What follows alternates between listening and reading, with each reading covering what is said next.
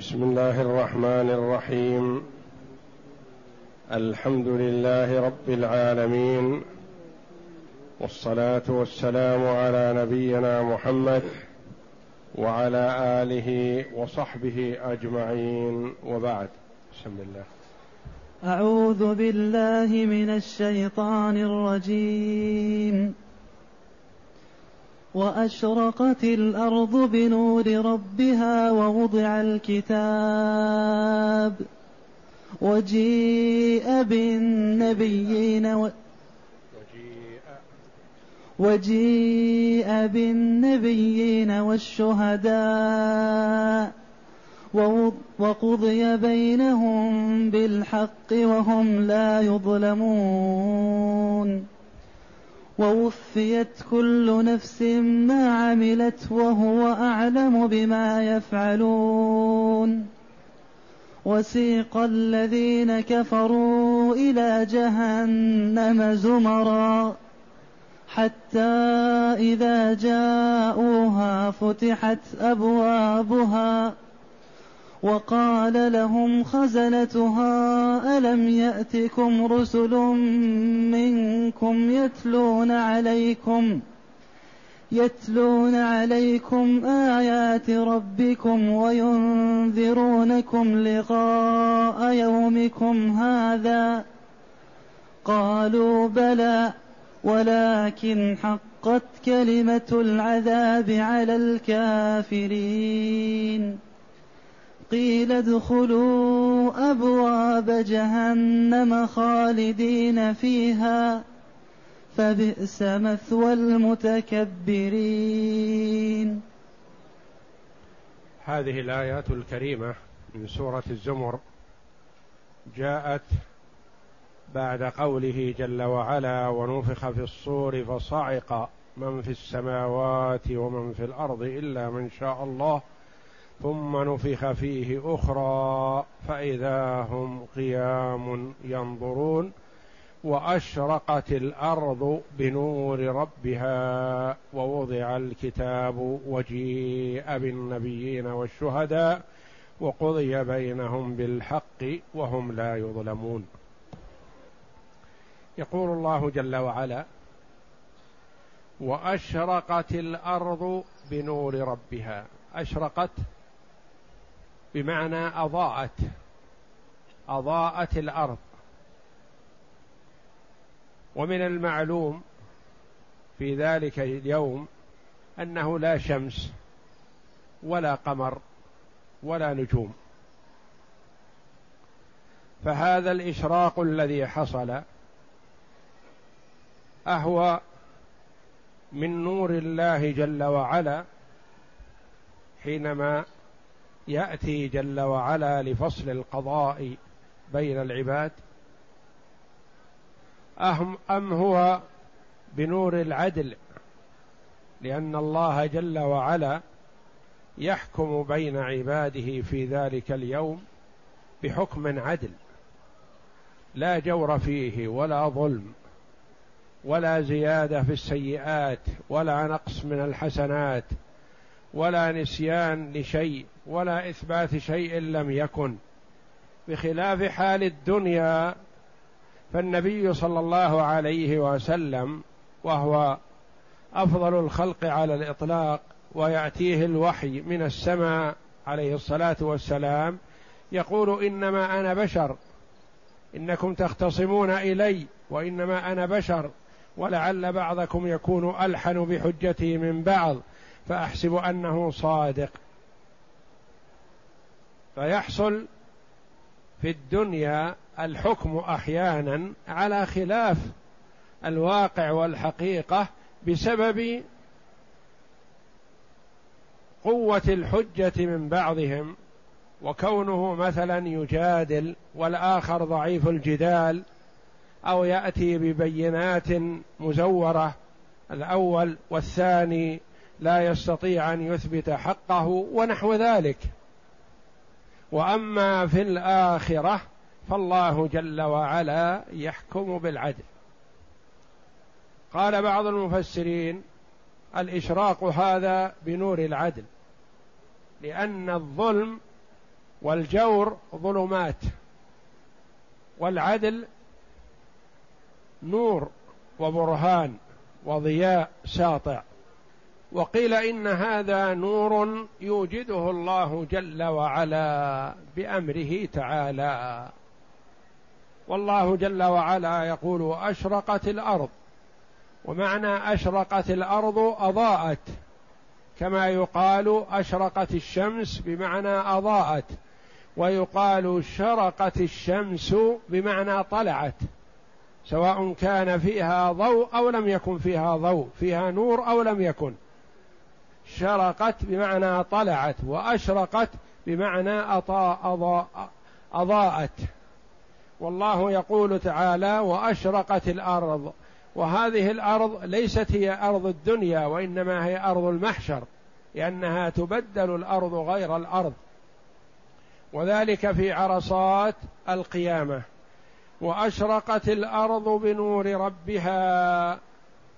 أي يقول بعدل ربها قاله الحسن وغيره الحسن البصري رحمه الله.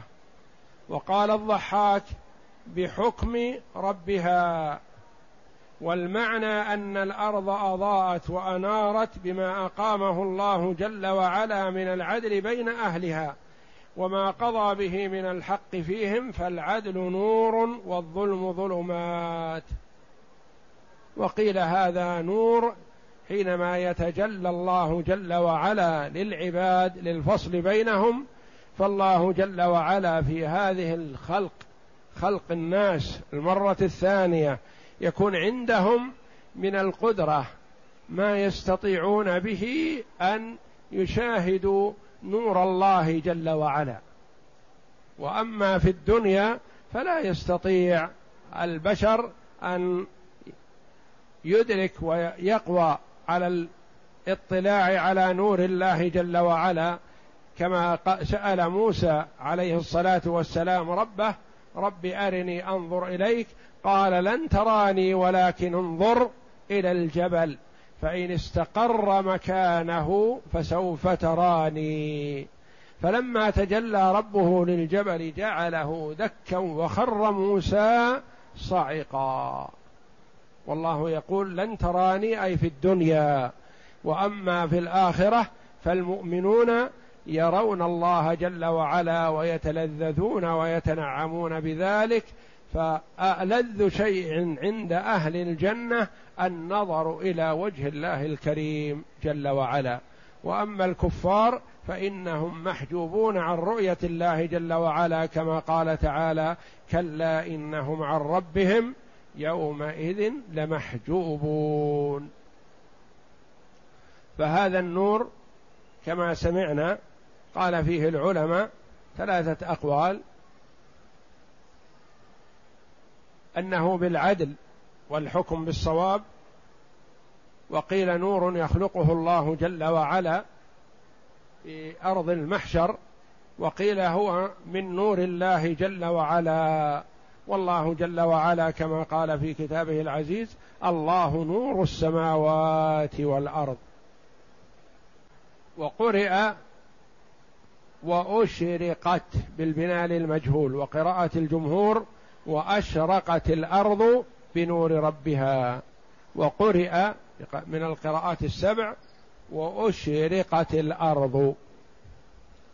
ووضع الكتاب ما هذا الكتاب؟ قيل هو اللوح المحفوظ. لأن فيه أعمال بني آدم وفيه كل شيء. سجله الله جل وعلا أمر القلم أن يكتب فكتب ما هو كائن إلى يوم القيامة. وقال قتاده يعني الكتب والصحف التي فيها أعمال بني آدم فآخذ كتابه بيمينه وآخذ كتابه بشماله ومن وراء ظهره.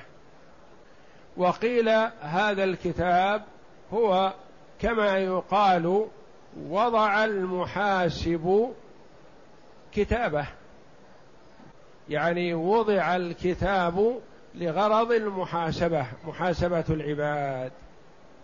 وجيء بالنبيين والشهداء. يجاء بالأنبياء. ليسألوا عن طاعة أممهم لله جل وعلا.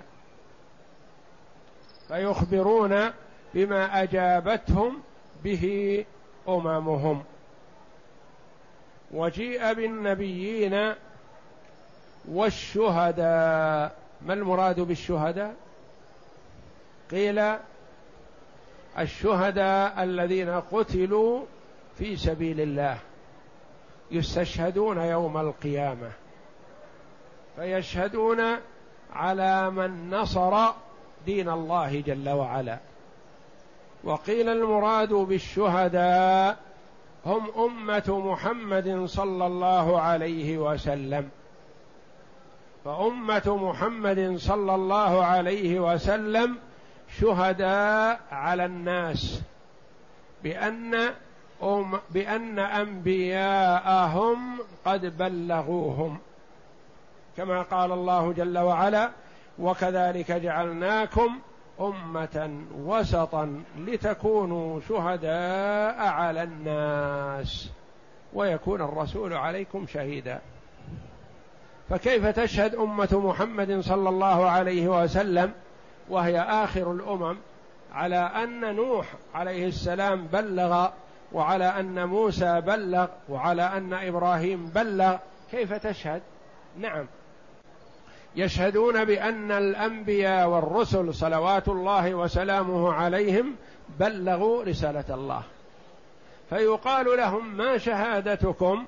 فيقولون أخبرنا نبينا صلى الله عليه وسلم بأن الرسل صلوات الله وسلامه عليه عليهم أجمعين بلغوا اممهم فنحن نشهد على شهادة النبي صلى الله عليه وسلم المبلغ من الله جل وعلا. وقيل الشهداء من الملائكة لأن الملائكة شهداء على بني آدم بأعمالهم الحسنة والسيئة كما قال الله جل وعلا وجاءت كل نفس معها سائق وشهيد. سائق من الملائكة يسوقها إلى أرض المحشر وشهيد يشهد على عليها بعملها. وجيء بالنبيين والشهداء وقضي بينهم بالحق.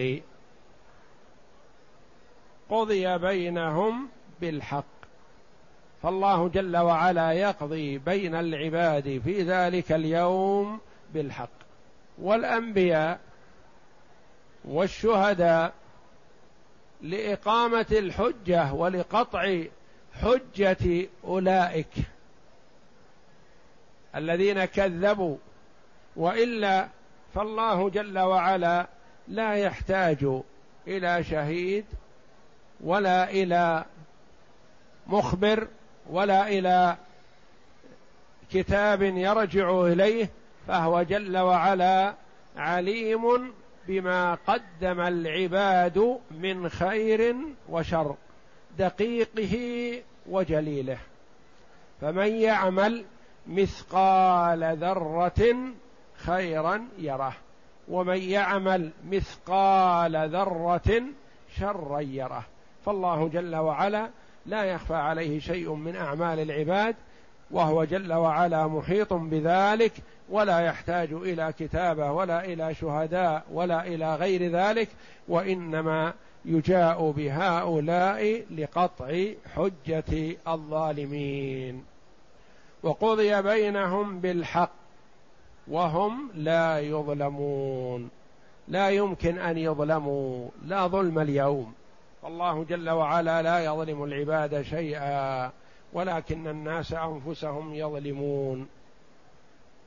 فلا ظلم لا زيادة في السيئات ولا نقص من الحسنات ولا بخس من الثواب بل يوفون أجورهم يعاقبون على سيئاتهم إذا لم يعفوا الله جل وعلا ووفيت كل نفس ما عملت أعطيت كل نفس ثواب عملها الحسن وعقوبة عملها السيء إن لم يعفو الله جل وعلا. فالثواب لا ينقص منه. بل يزاد فضل من الله وإحسان. والسيئات لا يزاد فيها بل ينقص منها ويعفو الله جل وعلا عن الكثير. تعالى وتقدس. فهو لجوده وكرمه يزيد في الحسنات ولا يزيد في السيئات. وينقص جل وعلا من السيئات ولا ينقص من الحسنات. وهو أعلم بما يفعلون. عليم جل وعلا بأفعال العباد فليس بحاجة إلى محاسب ولا إلى دفاتر ولا إلى كتاب ولا إلى شهداء بل هو محصن على العباد أعمالهم صغيرها وكبيرها وهو أعلم بما يفعلون. ثم ذكر جل وعلا المآل بعد ذلك بعد الحساب والنقاش والسؤال والجواب قال تعالى وسيق الذين كفروا إلى جهنم زمرا. سيقوا إلى جهنم بعنف وشدة وقسوة حال كونهم جماعات جماعات. زمر. وأصل الزمر الصوت الزمر الصوت وظهوره. فلما كان الجماعات غالبا ما يكون لها صوت سميت بهذا الاسم. وهو أنهم يساقون جماعات كل فريق مع فريقه. كل أهل صنف مع صنفه. حتى إذا جاءوها فتحت أبوابها. هي مغلقة. مغلقة الأبواب. فإذا جاءوها فتحت لهم. ودفعوا لها قذفوا إليها بشدة والعياذ بالله. وهنا قال فتحت أبوابها وهناك في أهل الجنة حتى إذا ما جاءوها كما سيأتينا إن شاء الله فتحت أبوابها. فكلاهما مغلقة. فالأماكن الخيرة والحسنة لا تترك. مطلقة مفتوحة بل هي مغلقة. كذلك الأماكن السيئة لا تترك مفتوحة هكذا بل هي مغلقة. فمثلا السجون لا تترك مفتوحة. وإنما هي مغلقة فإذا جيء بالسجين فتح له الباب وقذف فيه.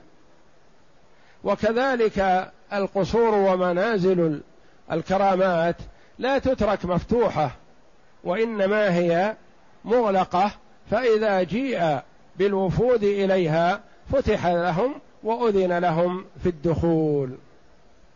وفتحت أبوابها وعندما يقذفون فيها يوبخون ويلامون يجمع لهم بين عذاب البدن وعذاب الروح والنفس بالتوبيخ واللوم. فتحت أبوابها وقال لهم خزنتها خزنة جهنم من الملائكة. كما قال الله جل وعلا عليها تسعة عشر. قال لهم خزنتها ألم يأتكم رسل منكم من جنسكم تعرفونهم وتعرفون صدقهم؟ يتلون عليكم آيات ربكم يتلون عليكم الآيات المنزلة من الله جل وعلا بالأمر بعبادته وحده لا شريك له وترك عبادة ما سواه ألم يحصل هذا؟ ما الذي جاء بكم إلينا إلى هذا الموقف؟